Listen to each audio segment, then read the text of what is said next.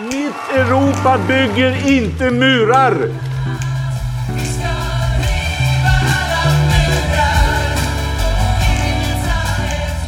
Syftet med de åtgärder som vi nu presenterar är att skapa ett andrum för svenskt flyktingmottagande. Mycket av det som regeringen sa igår ställer ju oss vi positiva till och vi tror också att en del av det kan dämpa trycket.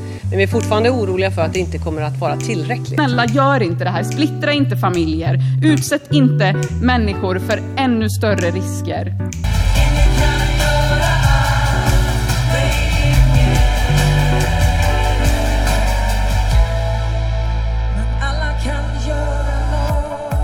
Hej och varmt välkomna till Människor och migration. Podcasten som handlar om migration och om de människor som rör sig över gränser.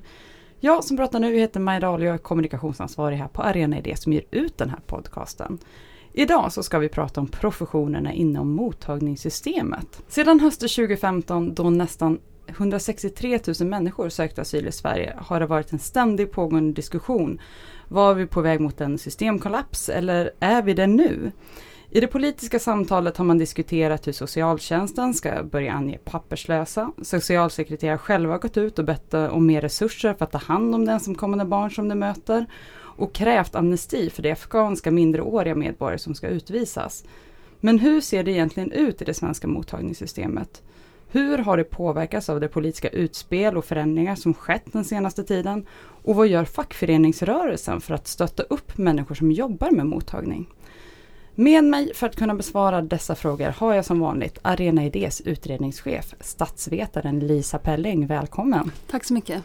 Och från Akademikerförbundet SSR, samhällspolitiska chef Ursula Berge. Välkommen! Tack, hej! Hej! Eh, dessutom så har jag tidigare idag intervjuat två personer som på olika sätt jobbar med mottagandet av ensamkommande. Läraren och aktiv i Vi står inte ut, Charlotte Lilja Pituko och socionomen Jenny Sepulveda Westman. Och vi kommer att lyssna på den intervjun lite senare men först så tänkte jag att vi ska ja, men ge en liten bild av hur det ser ut just nu. Och Ursula, Akademikerförbundet SR organiserar ju flera av de yrkesgrupper som är inblandade i mottagningssystemet. Och för den som inte riktigt har koll på vilka grupper det här gäller, kan du, kan du ge våra lyssnare en bild av vilka det är? Mm. Vi har ju fått anledning att inventera det här väldigt noga i och med att vi, vi tidigt upplevde redan 2014 att de här frågorna är speciellt angelägna för oss. Och vi är ju ett samhällsvetarförbund. Och, och tänker man utifrån hur en asylsökande kommer till landet så börjar det ju med att vi har väldigt mycket handläggare på Migrationsverket. Till det hör att vi har eh, många som är anställda på anläggningsboenden eh, runt om i landet. Så Migrationsverket är en stor eh, arbetsgivare för våra medlemmar. Sen kommer man till, om man tittar på Arbetsförmedlingen har vi väldigt mycket arbetsförmedlare. Vi är det största SACO-förbundet på Arbetsförmedlingen. Både arbetsförmedlare men också såklart etableringshandläggare. Och tittar man vidare sen som blev väldigt aktuellt 2015 så har vi ju eh, är vi ju det största förbundet inom socialtjänsten och angränsande fält. Där framförallt de ensamkommande barnens situation blev väldigt uppenbar. Och ja, en massa andra saker som hänger ihop med vad som händer i kommuner. Allt från, från eh, eh bosättningsfrågor till eh, också arbetsmarknadsåtgärder riktat till, till nyanlända i kommuner. Så att det blev en lång kedja av personer från det att du kommer och sätter din fot i landet från första dagen tills att du kommer till ett boende, till en hållbar... Vi har också skolkuratorer för, för de asylsökandes barn i skolan såklart. Så att från det att du kommer till landet tills det att du har fått ett vettigt boende, dina barn i skolan och eh, kommer i arbete så har vi medlemmar som jobbar med dem. Och mycket av diskussionen då kring flyktingmottagning i Sverige har ju den senaste tiden fastnat i en diskussion om här, ansträngda delar av mottagningssystemet på grund av att det var en kraftigt ökad andel som sökte hösten 2015. Men hur har det sett ut för era yrkesgrupper innan? Har ni någon sån här innan och efter 2015 analys som ni brukar titta på? Mm. Det har vi och, och, vi tyckte att debatten runt äh, den här situationen runt 2015 blev väldigt konstig för att äh, ibland användes våra medlemmar som något allmänt slagträ i debatten för varför man måste stänga gränserna. För våra medlemmar, våra socialsekreterare gick på knäna. Men det gick, gjorde de långt innan detta inträffade. För detta är ju en, framförallt vad det gäller socialtjänsten har det varit ett ett fält inom välfärdssystemet som har varit systematiskt under eh, liksom eftersatt väldigt, väldigt många år. Så vad som hände det var egentligen bara att det blev väldigt synliggjort precis när, när de behövdes ännu mycket mer. Så att eh, vi tycker att ibland tänker vi att vi skulle driva kampanjen inte i våra namn. Att man får inte ändra liksom, debatten och synen på ett öppet Sverige på grund av våra medlemmar. För de vill inte ha stängda gränser. De fick en tuff situation 2015 men de klarade och man hittar lösningar på det. Men det är ju en sektor som är extremt nedprioriterad som ständigt får, får vara den del av kommunens budget som, som prioriteras ner och som där inte individens behov alltid sätts i centrum utan det blir olika typer av politiska prioriteringar där det prioriteras ner. Så, så svaret på frågan är ju att det, det var nedprioriterat, väldigt hård arbetsmiljö, tuff situation, för hög arbetsbelastning, inga karriärvägar, fellönesatta akademikerkvinnor och hela det mönstret fanns långt, långt tidigare. En, en undran som man kan ha, har det har det alltid varit så? Ligger det i sakens natur att människor som jobbar med de som är samhällets allra mest utsatta alltid upplever att de har ont om resurser? Är det liksom eftersom de är där precis där liksom samhällets resurser alltid kommer att ta slut? Förstår du vad jag menar? Mm. Eller, eller är det så att det finns en socialtjänstens guldålder där man upplevde att Eh, de som hade högst betyg på gymnasiet sökte sig vidare till Socialhögskolan, att det var ett arbete med prestige, eh, med som du säger, liksom, intressanta karriärvägar. Har det funnits sådana tider? Men om man betänker var socialt arbete kommer ifrån socialtjänsten så kommer det ur den gamla fattigvården. Och, och det kom ju ur en föreställning om att, att eh, ja, men politiker skulle vara snälla mot fattiga människor. Det, det anses inte vara ett professionellt arbete. Man skulle göra det väldigt mycket av idealitet och empati och, och därför har det alltid varit fellönesatt kan man ju säga. Det är fortfarande en väldigt attraktiv karriär. Det är fortfarande väldigt höga antagningspoäng till socionomprogrammet till exempel. Så det är fortfarande väldigt attraktivt att bli det. Mm. Men icke desto mindre det vi har sett de senaste åren det är ju att det är väldigt många människor som lämnar branschen till förmån för andra typer av arbeten. Inte bara på, på myndigheter som Försäkringskassan och Arbetsförmedlingen och Migrationsverket istället utan man söker sig till alla andra, alla möjliga andra delar av arbetsmarknaden för att det är en sån ohållbar situation. Sen ligger det också i det hela att man har svårt att utöva sin professionalitet för att man kan bli överprövad i en socialnämnd och det är ju egentligen den enda professionen där, där professionella bedömningar kan, kan på något sätt hela tiden tiden överprövas av, av det politiska systemet i individärenden, vilket ju inte finns inom hälso och sjukvården eller någon annanstans. Mm. Så det är ju ett fält som, som anses vara lite nedprioriterat mm. i politikens ögon. Eller att man i alla fall kan ifrågasätta professionen hela tiden. Det är inte så att skolnämnden ifrågasätter enskilda lärares betygssättning men en socialnämnd kan, kan ifrågasätta enskilda socialsekreterares bedömning av behov av bistånd. Ja, och, och så. Precis, på mm. individer. Och jämför man en hälso och sjukvårdsdelegation i ett landsting skulle aldrig ifrågasätta en läkares bedömning av vilka läka, läka, läkemedel som ska sättas in eller om hjärtklaff A, B eller C är den bästa. Mm. Så individer skulle aldrig hända någon annanstans men det händer fortfarande här. Och det, det skapar en bild av det här fältet. Mm. Jag tänker också lite grann nu på, på det du nämnde inledningsvis här Ursula, om socialtjänsten var ju redan eh, utsatt. Och att när man sen kommer med analysen att så här, det är nu efter att det kommer så många ensamkommande som det blir problemet. Lisa, du som statsvetare, eh, har politikerna fel i sina analyser och varför blir det då i sådana fall på det sättet när man går ut med det så starkt? Jag, jag tror att de var lockade av att skylla på socialsekreterarna. Alltså att säga precis som du beskriver Ursula, göra det i liksom socialtjänstens namn. Eh, göra det i namn av alla de som jobbar med mottagning på liksom framförallt på kommunal nivå. Det var enklare att göra så än att hänvisa till andra faktorer för att behöva eh, liksom, eh, stänga gränserna så drastiskt som man gjorde då i november 2015. Så det var mer en, en, en, en taktik tror jag. Mm. Ja, men det låter ju bra att vi ska värna det svenska välfärdssystemet och vi ska värna en speciell utsatt yrkesgrupps arbetssituation och då, därför måste vi vidta det här. Det låter ju bättre mm. än att man stänger gränserna för att man inte vill ha fler asylsökande. Mm.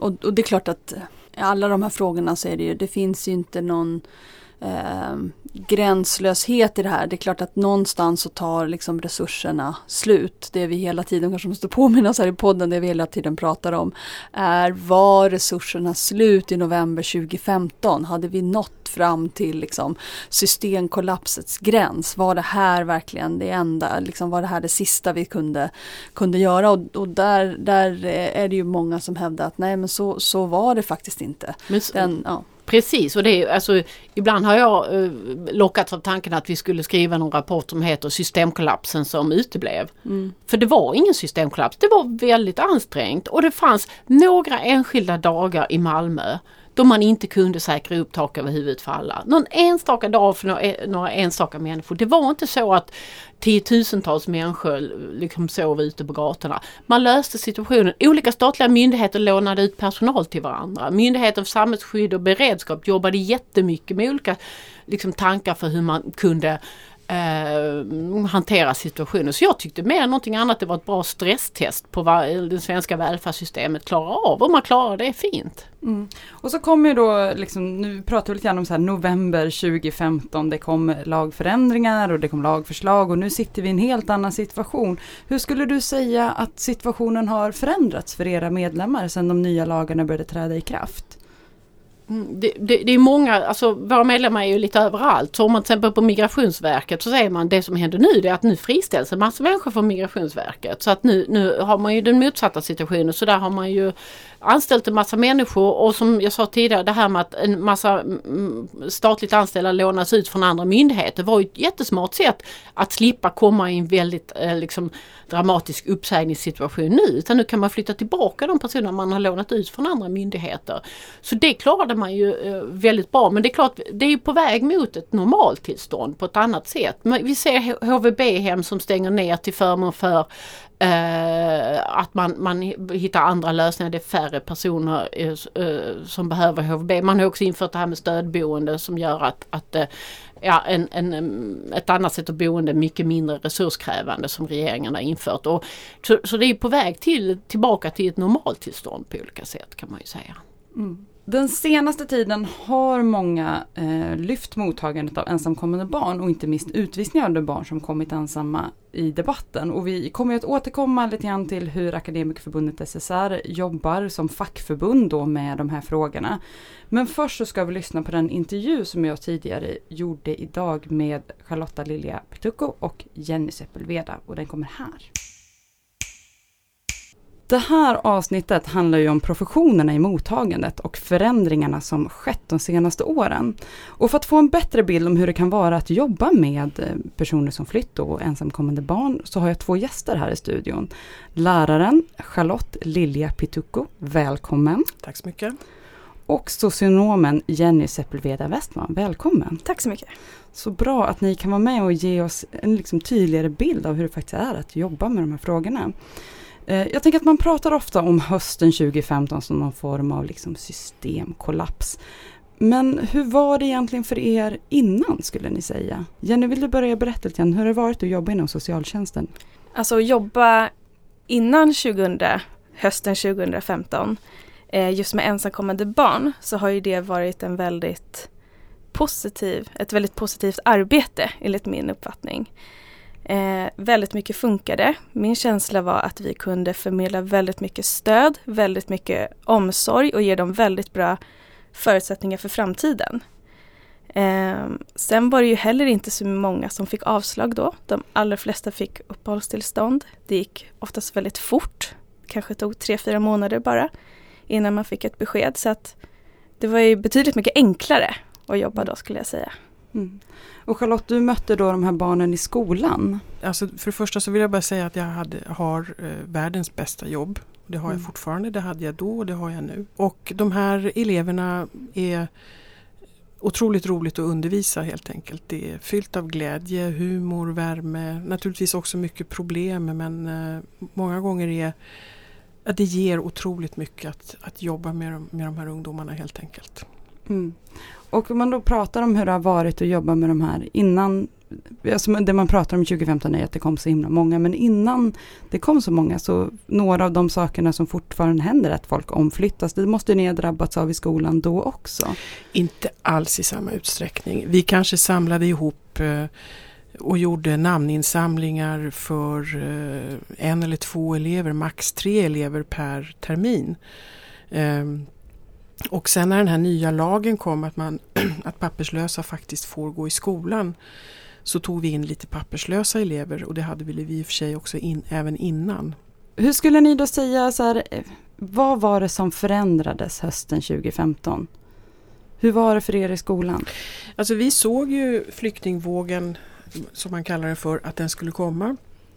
Jag stod också på T-centralen och hjälpte några till några gånger och plåstrade om lite fötter. Eh, och jag gick till min rektor och sa att här kommer det nog hända saker. Och det förstod ju de redan innan på förvaltningen i Stockholm. Så att, eh, men jag tror att våran rektor låg nog lite i, i framkant på Blackebergs gymnasium. Mm.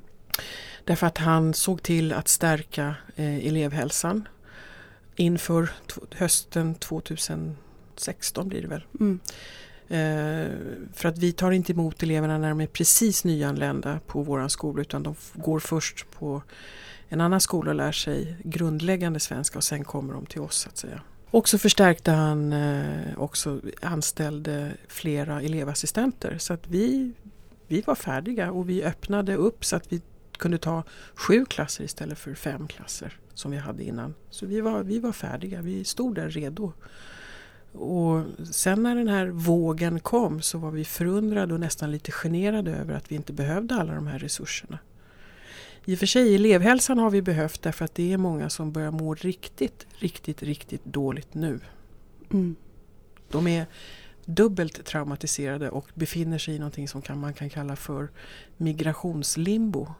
Jag tänkte vi ska återkomma lite grann till den situationen just barnen befinner sig i och hur det påverkar liksom i era yrkesroller. Ja. Men först jag tänkte jag också höra så här, ja men från socialtjänstens sida, man har pratat jättemycket om att det blev en sån förändring för er med alla de ensamkommande som, som kom där 2015. Hur har du upplevt den situationen Jenny? Ja, men just eh, när det började liksom trappas upp när det kom fler och fler ungdomar så var ju vårt första eh, liksom utmaning att hitta boenden till alla. Och eh, vi, där var ju inte vi på samma sätt som skolan var beredda. Eh, det fanns, stod ju liksom inte färdiga boenden eller familjer på det sättet som det skulle ha kanske ha gjort för att det skulle vara eh, bra för barnen. Eh, så att vi fick ju liksom göra det vi kunde för att se till att alla hade tak över huvudet och hade någonstans att bo. Och nu i efterhand kan man säga att både var, vissa var väldigt bra placeringar ändå och vissa var mindre bra. Och hamnade väldigt fel just eftersom att vi fick sänka våra krav liksom på vad, hur en familj ska vara eller ett boende. Mm. Eh, så det var väl det som kändes jobbigt att man visste inte riktigt var, vart vi placerade barnen. Utan vi fick sänka kraven till att de måste ha någonstans att bo. De måste ha någon vuxen som tar hand om dem, de måste ha mat. Eh, väldigt basic och det kändes ju tufft men sen har ju vi hämtat oss från det här. Vi har ju liksom undersökt var hamnade de här barnen? Har det varit dåliga placeringar? Ja men då har vi fått se till att de hamnar på bra ställen. Eh, att vi har liksom jobbat ikapp det. det. Min uppfattning i alla fall där jag arbetar är att vi gjorde det relativt snabbt. Och att de då har fått komma till bra ställen att bo på och utvecklas och är trygga. Och nu har det ju skett en del lagändringar. Det har förändrats att vi nu har en, en tillfällig lag som ger folk tillfällig uppehållstillstånd. Det har tagits bort massvis av asylskäl. Hur skulle ni säga att det påverkat er arbetssituation nu när ni jobbar med de här barnen? Ni ville eh, börja? Ja, jättemycket. Eh, framförallt för att det är en sån stor oro bland ungdomarna. Just eftersom det är en ny lag och man, liksom, väntan kommer förlängas om man bara får ett tillfälligt uppehållstillstånd. Men vad händer när det går ut? Eh, oron liksom förlängs. Det som tidigare var en oro på tre fyra månader när man väntade på uppehållstillstånd det är nu att först vänta på ett uppehållstillstånd på ett och ett halvt, två år till att eh, sen få ett tillfälligt uppehållstillstånd på 13 månader eller tre år. Liksom, den här oron bara förlängs och vi som då, jag som då är ansvarig för att barnen ska vara trygga och må bra och få de insatserna som de behöver. Eh, jag ser att de kräver mer och mer eh, stöd just för att de mår så dåligt. För att gå runt med en oro så här lång tid är ju inte bra. Mm. Känner du igen den bilden? Absolut, jag delar den helt och hållet. Och eh, eh, Stockholms svallärare säger allihopa att eh, vi har aldrig sett en, en sån god progression i en elevgrupp som vi har sett i den här elevgruppen som vi har haft det här läsåret. Och när ni säger god progression? Det betyder att deras kunskapsutveckling är helt otrolig. Det är många av de här eleverna som är semilitterata som har gått kanske inte så många år i skolan men ger dem bara en penna i näven så är det otroliga resultat som vi har sett. Det är helt fantastiskt. Nu börjar vi se precis det som Jenny säger att de, eh, några, de flesta av mina elever till exempel i min klass börjar gå till Migrationsverket nu. De är superoroliga. De börjar bli suicidala igen. Eh, och man ska ha klart för sig att de här människorna kommer inte hit för att de vill ha ett större kylskåp. De har flytt ifrån eh, allvarliga saker. Och när de ska efter två års, nästan två års väntetid börja för första gången få möta Migrationsverket och berätta deras historia så brakar de ihop som små geléklumpar en efter en. Mm. Det ser vi idag i klassrummen. De ligger som små geléklumpar och sen så lyckas vi få upp dem och så fortsätter de att studera och så skriver de prov och de gör det de ska och så brakar de ihop igen och så får vi försöka få upp dem igen. Vi har skapat ett nytt trauma och progressionen många gånger har stannat av. Hur påverkar det, alltså så känner ni då att ni har de verktyg eh, som ni behöver som, som yrkesmänniskor för att bemöta och möta de här eleverna? I och med att det är ett nytt skede på något sätt som ni möter. Alltså skolan tycker jag gör absolut det som man kan göra. Och eh, jag ser också i civilsamhället, igår var jag på ett möte till exempel med en av mina pojkar där eh, Svenska Volleybollförbundet öppnar sina armar för mina killar som har skapat en självhjälpsgrupp för att inte suicidera så ska de spela volleyboll istället. Och de kommer att hitta medel för att hjälpa till med det. Verktygen existerar inte förrän de inte får uppehållstillstånd. Jag tror att du kanske delar den uppfattningen med mig. Därför att det är så här att en människa som lider av ett trauma, det första man måste göra är att se till att den är varm, att den får vatten, mat och någonstans att ta vägen. Och de kraven uppfyller inte vi när vi hotar dem med utvisning hela tiden. Så att vi kan vända på det här och vi kan hålla på med olika metoder. Men så länge vi inte ger den här gruppen, lilla, lilla gruppen. Det, det, det handlar om 18 000. Mm. Om vi inte ger dem uppehållstillstånd, ja då kan du hålla på och prata om metoder i, i det oändliga. Och när du säger 18 000, då är det 18 000 barn i hela Sverige? Det är så här, om ni vill att jag ska rabbla lite siffror. Jättegärna. Ehm, 2015 så kom det 35 369 ensamkommande. År 2016 kom det 2 199 ensamkommande.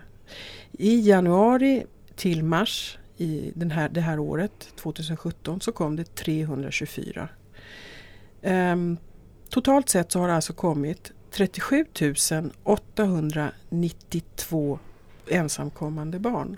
Är det någon människa som kan övertyga mig om att det här är en flyktingvåg? Det tror jag inte. Det här är mm. inte en flyktingvåg. Det var besvärligt som Jenny säger i början att hitta bostäder och hur ska vi hitta alla, alla platser i skolan och hur ska vi göra? Men vi fixade det precis som Jenny beskriver. Vi ordnade det. Både socialtjänsten, skolan, alla myndigheter som var inblandade. Möjligtvis BUP har för lång kötid men det hade de redan innan. Eh, och civilsamhället har ställt sig upp på ett helt fantastiskt sätt. Idag, 31 i tredje, så fanns det 18 803 inskrivna i mottagningssystemet i väntan på beslut. Alltså nu pratar jag fortfarande om ensamkommande. Ehm, och av dem så är 459 inskrivna i mottagningen med, med slutgiltiga avslag, alltså som måste utvisas. I Stockholms län så finns det på Migrationsverkets mot, i mot, Migrationsverkets mottagningssystem den 1 maj 3287 ungdomar som är under 18 år. Ungdomar som är över 18 år, som är 18-19 år i Stockholms län, som ingår i Migrationsverkets mottagningssystem, är 708. Säg mig den som inte kan kalla det här för ett storm, storm i ett vattenglas. Det här är löjligt. Om man då tittar på de här ungdomarna, nu, nu vet vi ju hur många de är. Vi har fått höra nu från dig Charlotte hur det är att möta dem i skolan. Hur är det, liksom så här, hur ser du Jenny, liksom de verktyg ni behöver? Vi pratade lite grann innan här och du säger att, att barnen inte längre blir glada för ett uppehållstillstånd. Vad får ni för verktyg för att liksom jobba med dem? Känner du att du har det du behöver för att kunna ge de här barnen stöd? Ja, precis. Att de inte blir glada för tillfälligt uppehållstillstånd mm. eftersom det bara förlänger ja, liksom, processen. Permanent är fortfarande ganska glada mm. Eh, miner utav. Men det är väldigt, väldigt svårt. Eh, just med de här verktygen. Vad gör man när någon sitter och säger att hen vill ta livet av sig? Det är jättesvårt. Eh, och som du var inne lite på också med BUP, att vi försöker använda dem och, för att det är de som kan göra bedömningen om det är ett allvarligt hot eller inte. Men vi har väl också lite uppfattning om att det brister där ibland. Att eh, ja, de inte får komma dit. Så att självklart så, jag vet inte om man någonsin får alla verktyg som man känner att man behöver men eh, såklart önskar man ju alltid att man kan få lite mer verktyg i hur man liksom samtal med ungdomar som har trauma och som genomgår en sån här enorm sorg om man har fått avslag. Eh, mm. Men ofta så tycker jag i alla fall att det funkar bara med att visa medmänsklighet. Att det kommer man ganska långt på. Att visa att man finns där, att man bryr sig. Eh, att man kommer stötta dem och följa dem och försöka hjälpa dem så mycket som man kan. Det är väl det som man kan göra i en sån här katastrof som det är för dem. Det är, handlar ju om liv och död. Mm. Jag håller verkligen med Jenny. Eh, sen vad vi i skolan exakt behöver för verktyg det är ju faktiskt att vi behöver ha Säkert i ett eller två år framöver tror jag att eh, skolledarna behöver ställa in sig på att anställa fler kuratorer och fler sjuksköterskor som är avdelade enbart för språkintroduktion till exempel. Det skulle jag gärna se på heltid. För vi har en bara på halvtid på min skola och det räcker inte. Eh, flera elevassistenter, fler, fler människor som kan jobba med de psykosociala bitarna som lärarna ofta inte har utbildning för och ofta inte är intresserade av heller. In, inte vill. De vill undervisa och det ska de ju göra för det är där, det, det, där, därför de är där. Eh, men eh, samtidigt så ja det är som sagt var mer personal och det är kanske inte så jättemycket mer personal vi behöver men lite till. Mm. Så att vi kan samarbeta bättre med BUP, med, bättre med socialtjänsten, bättre med familjehemmen. Mm. Så att inte, för idag är det tyvärr många ungdomar som faller mellan stolarna. Och jag har ju fixat som lärare eh, familjehem som är privata, som är frivilliga när kommunen har kastat ut dem på 18-årsdagen. Så ska det inte heller vara i ett samhälle som är så kallat civiliserat som Sverige. Mm. Jag funderar på, det har ju skett väldigt många stora förändringar kring, eh, alltså rättsliga förändringar som att det är tillfällig uppehållstillstånd, man har förlorat rätten till familjeåterförening, man har eh, tagit bort flera asylskäl. Hur ni möter de här eleverna, ni möter de här ungdomarna som det här drabbar. Hur hänger ni med i att kunna förklara det här för dem? För det är ju, jag tänker att det är ni som också är de som får förklara hur det här påverkar dem. Mm. Det är ju jättesvårt att förklara någonting som man knappt förstår själv. Eh, och när man väl förstår det så förstår man inte att det är sant. Ska jag behöva säga det här? Eh, det är jättesvårt men man får ju försöka bäst man kan att liksom förmedla information på ett så lättförståeligt sätt som möjligt och för, försöka förklara det sakligt. Ja, jag instämmer helt och hållet i vad Jenny säger. Det är precis det man kan göra. Och det röstades igenom för några dagar sedan en, eh, en lagförändring som, som handlar om, om rätten att gå färdigt skolan eller gå i gymnasiet så att man ska kunna stanna kvar i Sverige och få uppehållstillstånd så småningom. Och den lagstiftningen är så svampigt skriven så att det är inte ens våra experter som har hållit på med asyllagstiftning i många år begriper sig på den. Och regeringen har inte lyssnat heller på vad, vad lagrådet säger när det gäller felaktigheter som, alltså rent juridiskt som gör att det blir väldigt svårt att tolka och det blir väldigt svårt att applicera den här lagen. För det är ingen som begriper den. Det jag säger till mina elever är det kan hända att den här lagen kanske kan hjälpa dig. Det finns lite hopp. Hoppas inte för mycket. Men vi ska göra allt vi kan för dig. Så kom till skolan även om du mår dåligt. Stanna här, var här. Ja, men jag orkar inte koncentrera. Gör ingenting. Men jag blir arg. Ja, men då går du ut en sväng och kommer tillbaka. Men kom till skolan därför att det är officiella siffror.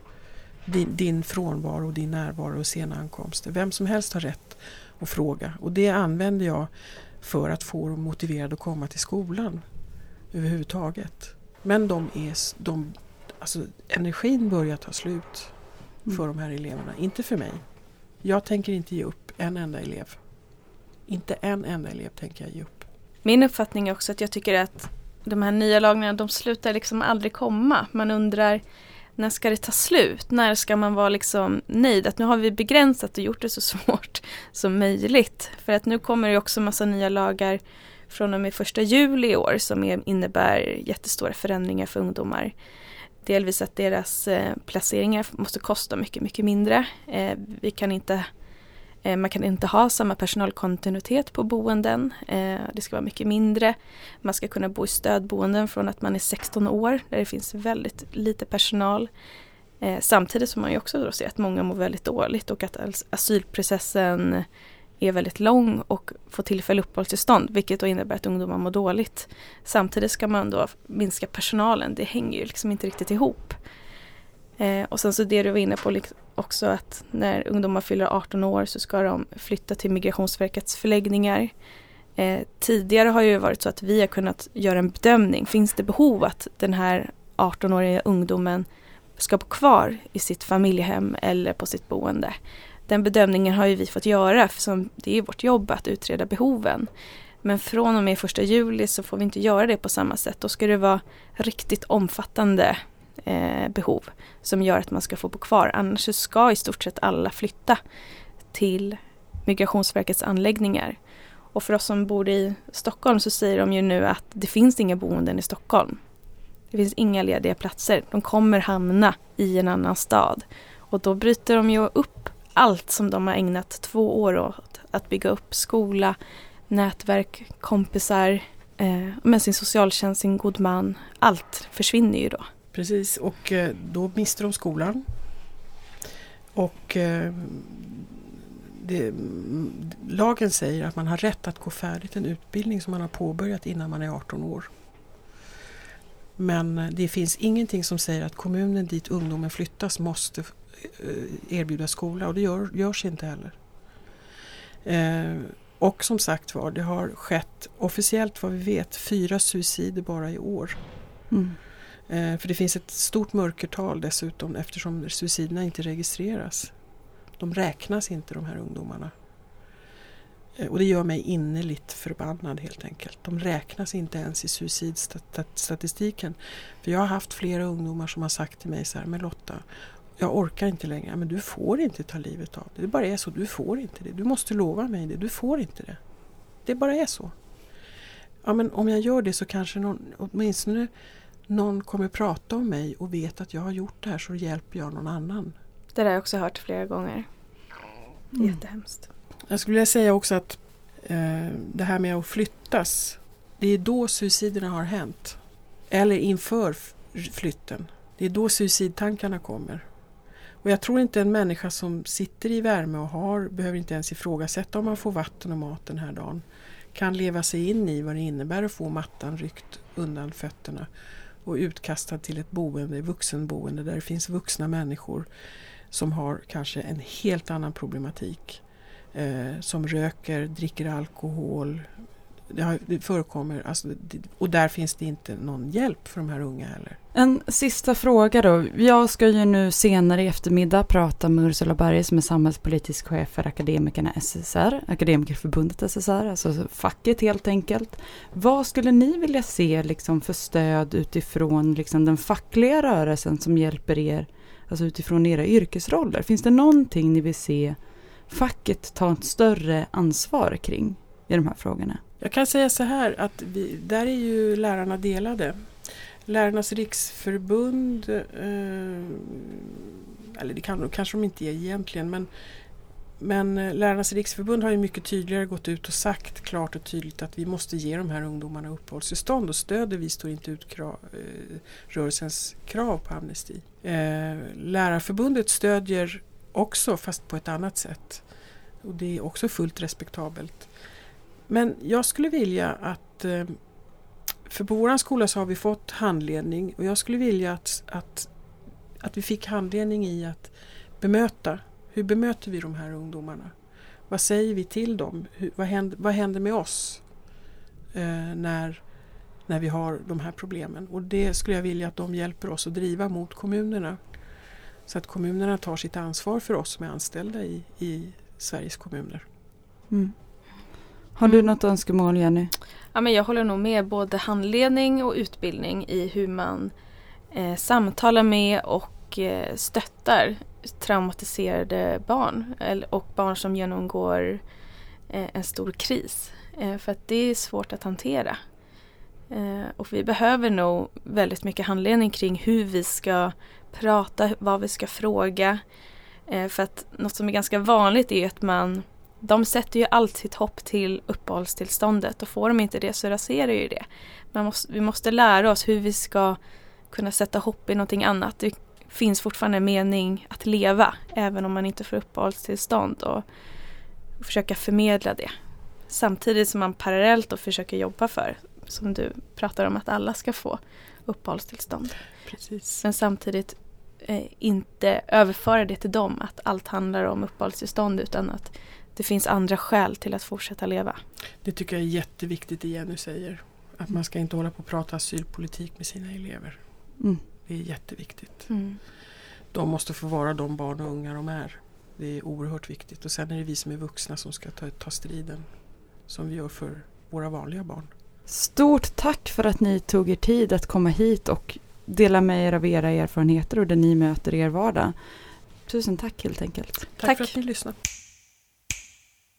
Så, då är vi tillbaka här med Ursula Berg och Lisa Pelling. Eh, vad har ni för första tankar nu när ni lyssnar på intervjun med läraren och socionomen? Eh, jag tycker det är så härligt att höra professionella människor som verkligen är besjälade av sitt arbete och som är beredda att ta en fight för det. Att det, jobbet är inte bara 9 till 5 utan att det är ett engagemang som, som går in i märg och ben och att de, de är så drivna också, i, inte, inte bara i jobbet utan också i hur samhället runt omkring påverkar deras jobb.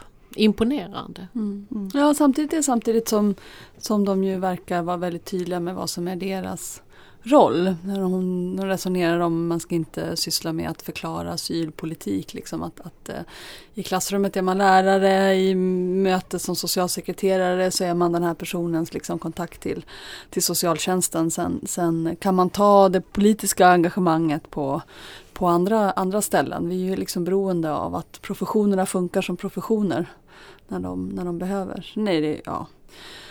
Det är skakande att höra hur läget är och den här liksom insikten som väl börjar sprida sig hos allt fler om att eh, botten är inte nådd. Det kommer att se mycket, mycket värre ut under månaderna som kommer här.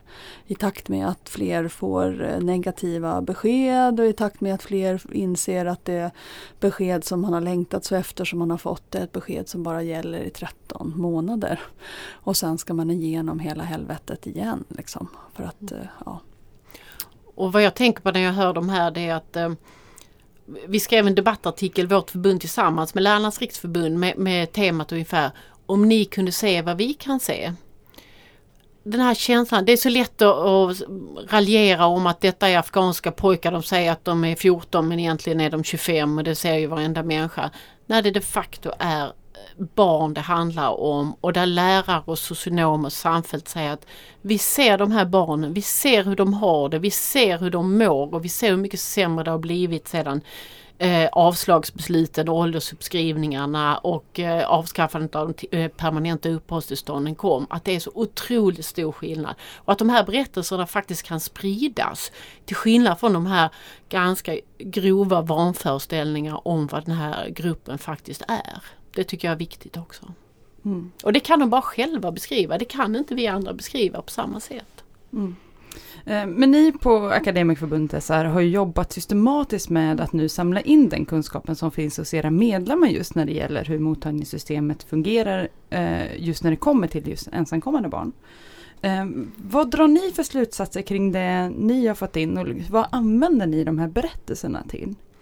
Vi försöker samla kunskap på många olika sätt. Ett är ju att vi är ute och, och pratar med våra medlemmar. Annat är att vi ställer frågor till dem i enkätform så vi kan få faktiskt 5000 svar på hur, hur man tänker. Och detta är ju självklart det som är vår grund för när vi eh, skriver remissvar, skriver debattartiklar, överhuvudtaget uttalar oss på olika sätt. Och när vi tar ställning, vi har gått med i vi står inte ut. För att det var helt uppenbart att vi som förbund måste ha ett, ett förhållningssätt till ensamkommande barn som innebär att vi faktiskt men, står på deras sida. För våra medlemmars uppdrag är att utreda behov och på något sätt matcha de behov som, som människor i utsatt ställning har mot insatser. Plus att man alltid ska se till att barn inte far illa.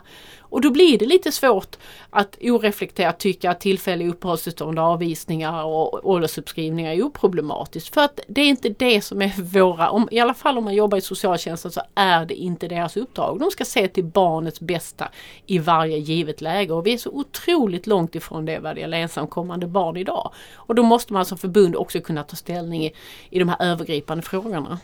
Mm. Jag, jag, tänker att det är, det är ju den, en, en fråga som, som Vi står inte ut har ju varit väldigt eh, framgångsrika i att sätta den frågan på dagordningen. Just det här med att eh, man borde se den här gruppen av ensamkommande framförallt från Afghanistan som en engångshändelse som väldigt många personer som kom under en begränsad tid och som nu ska ta sig igenom systemet. Att man skulle kunna göra ett undantag från eh, den allmänna regeln som är att vi har en reglerad invandring som innebär att om man inte har behov av skydd så ska man inte heller få uppehållstillstånd utan då ska man återvända. Att det liksom inte är rimligt att fatta den typen av beslut om den här gruppen. Inte rimligt för att det är så svårt att eh, så att säga, förhållandena är de facto så svåra i Afghanistan, särskilt för väldigt unga människor utan nätverk. Men också för att man tycker att man inte måste det, för att det rör sig om en begränsad eh, grupp. Eh, och, och motargumentet är ju så att säga om vi beviljar den här gruppen en möjlighet att, att stanna. De får amnesti. Det är lite inte, det är inte en helt eh, oproblematisk term för amnesti är ofta sånt som man beviljar brottslingar. De har inte begått något brottsligt. Söka asyl är ju, det får man ju faktiskt göra. Men att man skulle bevilja dem så att säga uppehållstillstånd som, som grupp. Hur har ni resonerat om det inom, inom Akademikerförbundet SSR?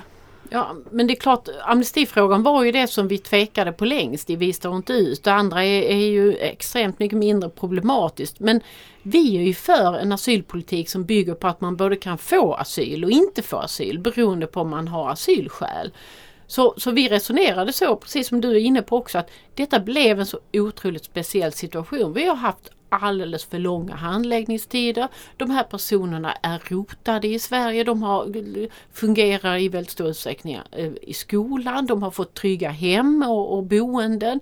Och de har överhuvudtaget eh, varit här så många år att det blir, det blir närmast den här föreställningen som nu är så avskaffat att särskilt ömmande omständigheter. Att, att det kommer till en situation där även om de på pappret inte skulle ha asylskäl så är det rimligt att ge dem asyl på grund av den situation de har kommit i. Mm. Och då tog vi den slutsatsen och drog den slutsatsen att detta är rimligt som ett undantag. Mm. Men att vi ändå inte självklart inte tycker att alla som kommer till Sverige ska få asyl per definition. För det, det, det, det, är en orimlig hållning tycker vi att ha. Men att det här är en så speciell situation och ändå en begränsad grupp personer. Mm. Att det finns anledning att, att förhålla sig till dem. Och sen det att de också är barn, det måste man ju också ha i beaktande. Mm. Och den grund för uppehållstillstånd i Sverige som tidigare ofta var den grund som eh, barn fick uppehållstillstånd på som, som särskilt dömande skäl har ju avskaffats med den tillfälliga lagen. Ja precis, det ska man lägga till i den här i den här bedömningen.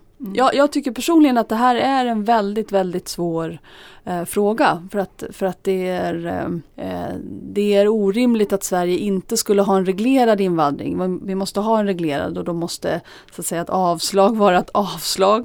Men samtidigt så är ju situationen som den är nu helt orimlig. Vi, vi pratade om det i förra avsnittet av podden om, om hur läget ser ut i Afghanistan och för de som tvingas återvända till, till Kabul eh, utan nätverk är ju helt eh, omänskligt. Ja, och det Men- ligger också i det här att vad är det vi kan eh, avvisa dem till? Eh, en afrikansk medborgare som aldrig satt sin fot i Afghanistan och så har, har sin familj i Iran eller Pakistan. Alltså vi skickar inte ens vuxna svenska personer, liksom, UD avråder från vuxna svenska personer med pengar att åka till Afghanistan. Men vi kan gladeligen skicka ut personer, ungdomar med de här mm, profilerna dit utan problem. Och det, det, det rim, hänger inte ihop och, och det är väldigt centralt att, att Mm. påtala Och tidigare det. hade vi en lagstiftning som gjorde det möjligt att fatta annorlunda beslut. Just av den här anledningen att det, det så att säga blev omänskligt orimligt att avvisa eh, personer i den här, i den här situationen. Mm. Den kritik vi får handlar ju där, men tänk på signalvärdet. Nu kommer ju citat, jag har sådana här citattecken i luften, all världens eh, asylsökande eh, ungdomar att söka sig till Sverige. Eh, jag tror det är lätt överdriven föreställning. Om vi skulle komma i en situation att vi gav amnesti så skulle bara de här dammluckorna öppnas. Så säger ju kritikerna. Jag tror att det är um, en helt felaktig beskrivning och dessutom måste vi ta ställning till varje barn för sig. Mm.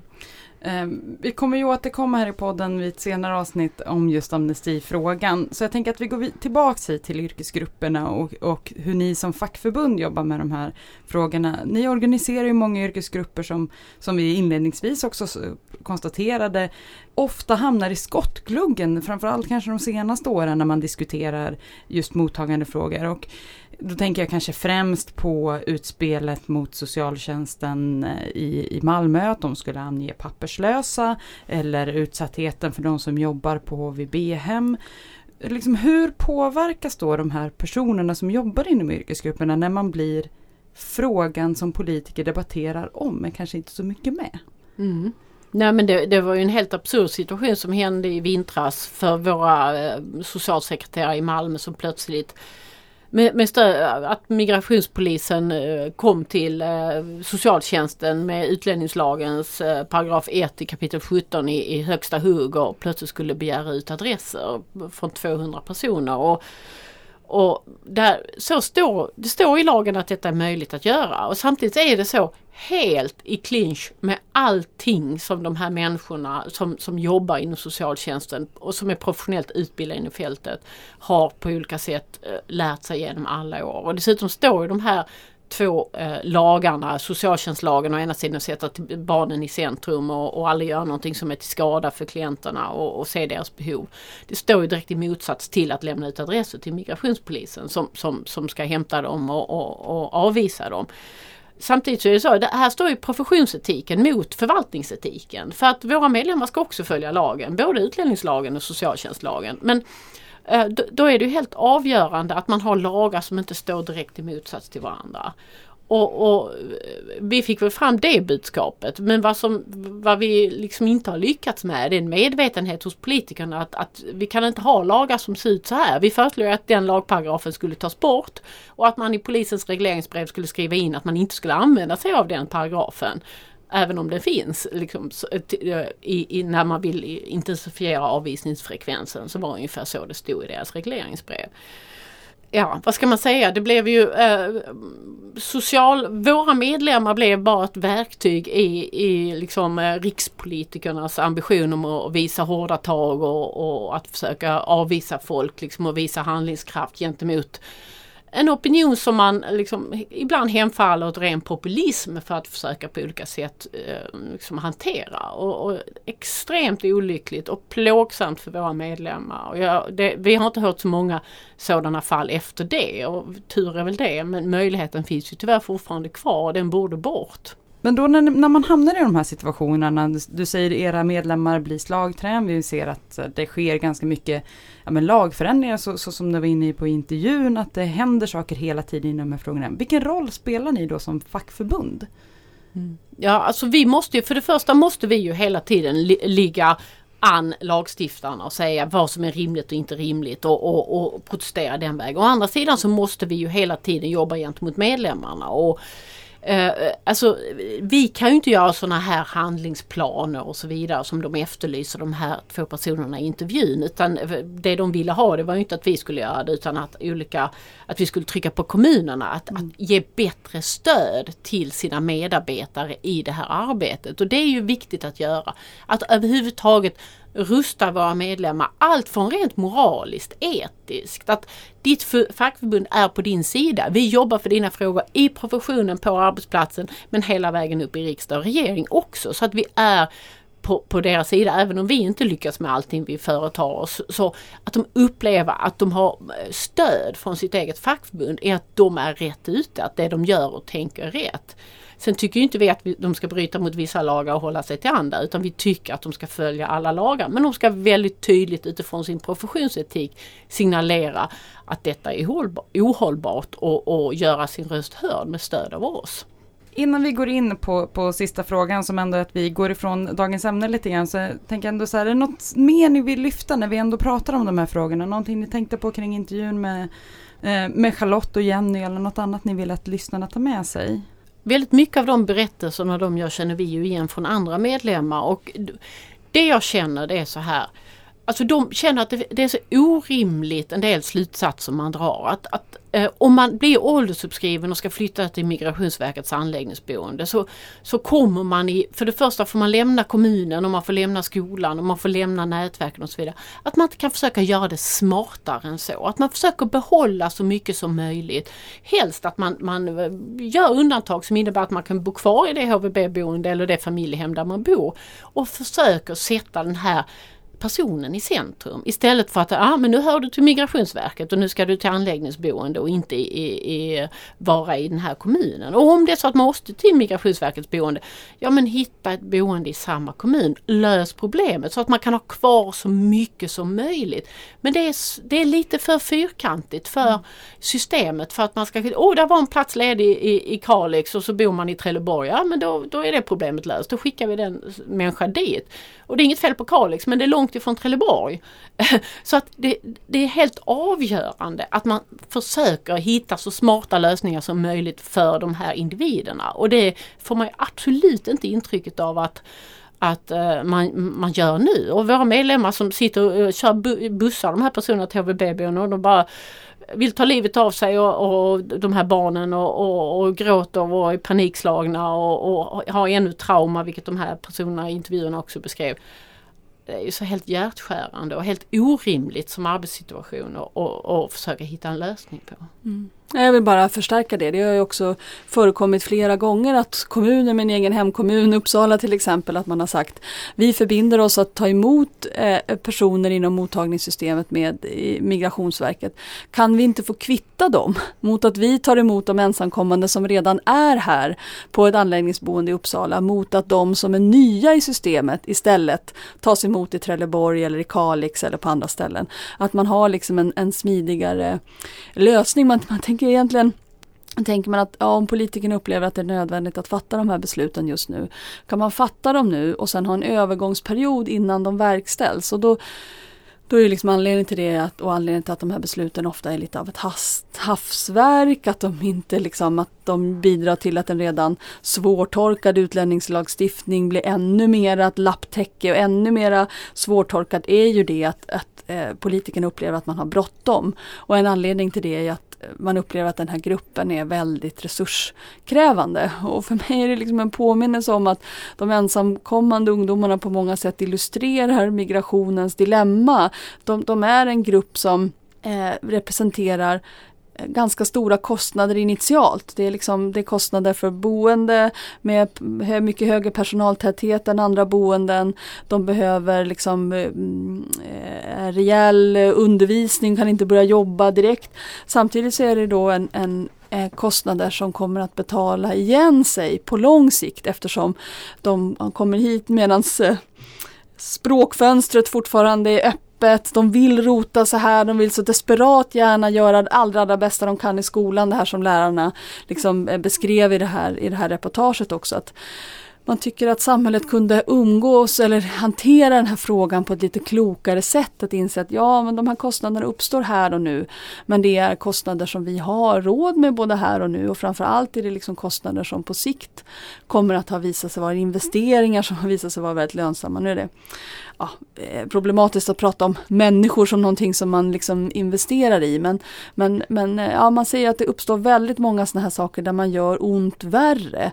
Och där, där man för att spara pengar skapar situationer som kommer vara väldigt kostsamma. Att, att de här ungdomarna mår dåligt till exempel gör ju att mycket resurser måste användas bara för att försöka laga dem, trösta dem, laga dem, få tillbaka dem på banan igen. Mm. Och nu ska man inte prata om pengar på det sättet. Alla människor har lika värde men det är lite lustigt att det här 2016 året då vi tog emot så många och så många kom in i, i så att säga de dyra välfärdssystemen är ett av de åren då staten har gjort det absolut största överskottet. I statsfinansiellt. Mm. Så, så den här föreställningen om att äh, Sverige går på knäna och vi har inte råd och så vidare. Det ska man ju ställa mot de här enorma statsbudgetöverskotten vi har. Mm. Så vi har ju verkligen råd. Det här är en relativt liten grupp. Säger en person som hämtar ut budgeten utskrivet på papper. jag har sett dig på... ursäkta, att jag, ja, precis, ursäkta att jag outar dig som budgetnörden nummer ett. Men eh, jag vill bara illustrera att hon vet vad hon pratar om. Ja det känns tryggt, det känns ja. tryggt att veta. Ja absolut. Jag tänker att vi går in på sista frågan. Vi har ju sedan människor och migration podden startade haft för avsikt att vi ska ha en sista fråga som egentligen innebär att vi tar ett steg ifrån dagens ämne och kommenterar något annat som vi sett eller tänkt på inom migrationsområdet. Som en liksom stående punkt, vad har vi inte kunnat släppa? Eh, men det har alltid av tidsskäl skurits bort. Men nu tänker jag att vi äntligen ska få till det. Så Finns det något som hänt inom migrationsområdet den senaste veckan eller som kommer hända framöver som ni känner inte kan få gå okommenterat förbi? Ursula? Det är inte riktigt sista veckan men jag, jag har svårt för de här otroligt enkla populistiska politiska lösningarna som, som eh, florerar i debatten nu. Och det värsta, utan jämförelse, måste ju vara fotboja för asylsökande. Själva tanken att en asylsökande är en brottsling och om man får avslag ska man ha fotboja. Alltså man kan argumentera mot utifrån tusen aspekter. Det ena är ju vad är incitamenten att behålla den fotbojan på som, som asylsökande med avslag. Det andra är det här är ingen kriminell handling att söka asyl som Lisa var inne på. Uh, och, och, det, det, det, är så, och dessutom går det att och, och, och, stjäla en lastbil och köra på Drottninggatan med en fotboja på. Så allt det här Alltså det var bara ett exempel på när man kommer i sådana här otroligt enkla tankar om att vi ska hitta väldigt slagkraftiga populistiska lösningar på, på svåra problem. Och det, får, det biter i debatten för att det är det är så erbarmlig debatt bitvis och man fokuserar inte på det viktiga. Det kan jag inte släppa. Mm.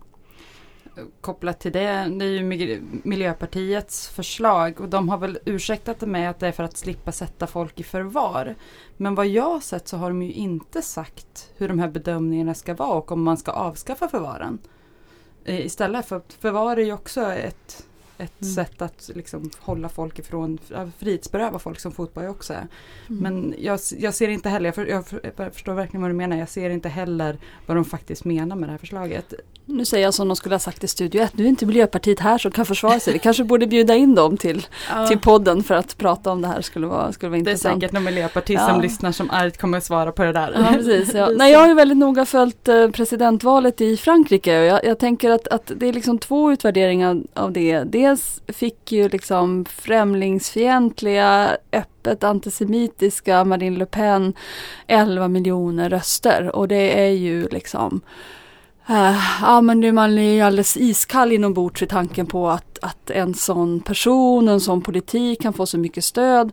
Samtidigt är det liksom Frankrikes nyvalde president, en person som avgick ur social, den förra socialistregeringen när François Hollande föreslog att uh, man skulle eh, skärpa eh, Frankrikes eh, antiterrorlagstiftning så till den grad att eh, Emmanuel Macron hävdar här bryter man mot den franska konstitutionen. Det här är liksom inte rimligt att göra de här åtgärderna och som har varit väldigt liksom, tydlig i sitt motstånd mot det. Och det är ju det är ju någon slags hopp i det Europa som vi, eh, som vi ser med liksom utvecklingen i Polen, utvecklingen i Ungern. Det behövs verkligen att en president för ett av de största EU-länderna har en väldigt tydlig linje när det gäller de här frågorna. I, under valrörelsen i Frankrike så handlar väldigt mycket om eh, personer som har hamnat i säkerhetspolisens register för att de misstänks för att kunna ha kopplingar till terrorism. Alltså personer som är misstänkta kanske till och med i tredje hand. Någon som är släkting till någon som eventuellt kan ha samröre med terrorism. Ja men det kan vara bagaren på hörnet. Ja. Precis, som, som liksom registreras för det. Så måste ju Säkerhetspolisen arbeta, de måste föra liksom register över misstänkta.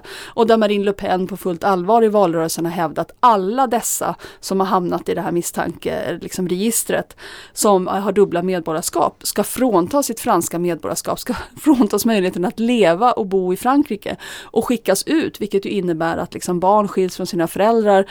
Eh, föräldrar från sina barn, att man bara liksom på misstanke helt utan eh, eh, rättssäkerhet då ska, ska, ska utvisas på, på livstid. Att, att den här frågan liksom kom upp är väldigt allvarligt men också att det faktiskt avvisades. Det är den andra presidentkandidaten som vann och det ger lite hopp om att utvecklingen i Europa kanske trots allt kan, kan vända. Mm. Nu är det val i Tyskland som står på tur här i september. Så vi följer ja, det igår. där innan väl Storbritannien?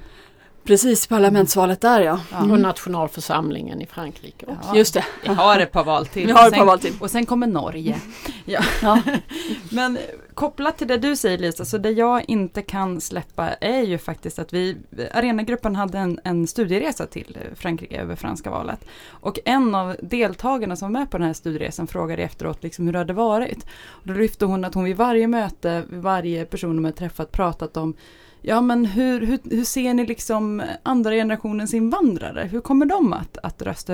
Var, åt vilket håll lutar de? Och fick konstant som svar, nej men vi tittar inte på andra generationens invandrare. Vadå andra generationens? Det är bara ni i Sverige som sysslar med sån form av statistik. Och det här är ju jätteintressant, liksom hur man som länder tittar på ja, men följer upp. Vi menar ju så här, det kan finnas en poäng i att titta på hur andra generationen klarar sig. Men nu bara häromdagen så fick jag se en undersökning som tittade på fjärde generationens invandrare. Och där kan man ju fundera på hur långt bak ska vi kalla det... Mor och farföräldrar är födda i Sverige men de hade föräldrar i sin tur som invandrade. Ja, ja. Precis, är man då fortfarande liksom i invandrarkategorin? Mm. Ja, och... Nej det borde vi ju släppa men man blir inte stockholmare förrän efter sju generationer så att vi har ju mycket att fundera på. Här är väl ingen stockholmare? Nej, Nej jag är inte stockholmare. jag är etnisk stockholmare för min mamma är från Stockholm. Ja men då så. Men är du det sju generationer bak Lisa? Ah, jag, tror det, jag tror det faktiskt. Med den, med den tanken får vi helt enkelt avsluta dagens avsnitt. Tusen tack Lisa Pelling och Ursula Berge för alla svar på mina frågor och självklart också ett stort tack till läraren och medlemmen i, eller den aktiva i Vi står inte ut, Charlotte Lilja Pitucco och socionomen Jenny Sepulveda Westman som var här och svarade på frågor tidigare. Eh, nästa avsnitt kommer den 24 maj redan, så det blir inte 14 dagar tills nästa avsnitt. Vi kommer släppa lite tidigare i och med att det är lite lediga dagar där. Eh, kan du ändå inte klara dig utan någonting som Arena Idé gett ut tills dess, så lyssna gärna på Syskonpodden Pengar och politik, där bland annat Jenny Lindahl ger dig en djup inblick i vad Dennispaketet på 90-talet egentligen var. Kan vara intressant för dig att höra. Lyssna även på podden Jakten på den jämlika skolan, där Vesna Prekopic helt enkelt ger sig ut för att hitta lösningarna på hur vi kan få en skola där alla barn får samma möjlighet till en bra undervisning. Eh, du kan även lyssna på Arena Play där vi lägger ut inspelningar från våra seminarier och allt det här hittar ju du där poddar finns. Har ni frågor eller kommentarer på dagens avsnitt, är du kanske miljöpartist och lite sur just nu, så kan du antingen twittra det till oss på attarenaidé eller skriv på vår Facebook-sida. Sök bara på människor och migration på Facebook så hittar du oss där. Med det sagt, tusen tack för att du har lyssnat och vi hörs igen den 24 maj. Tackar!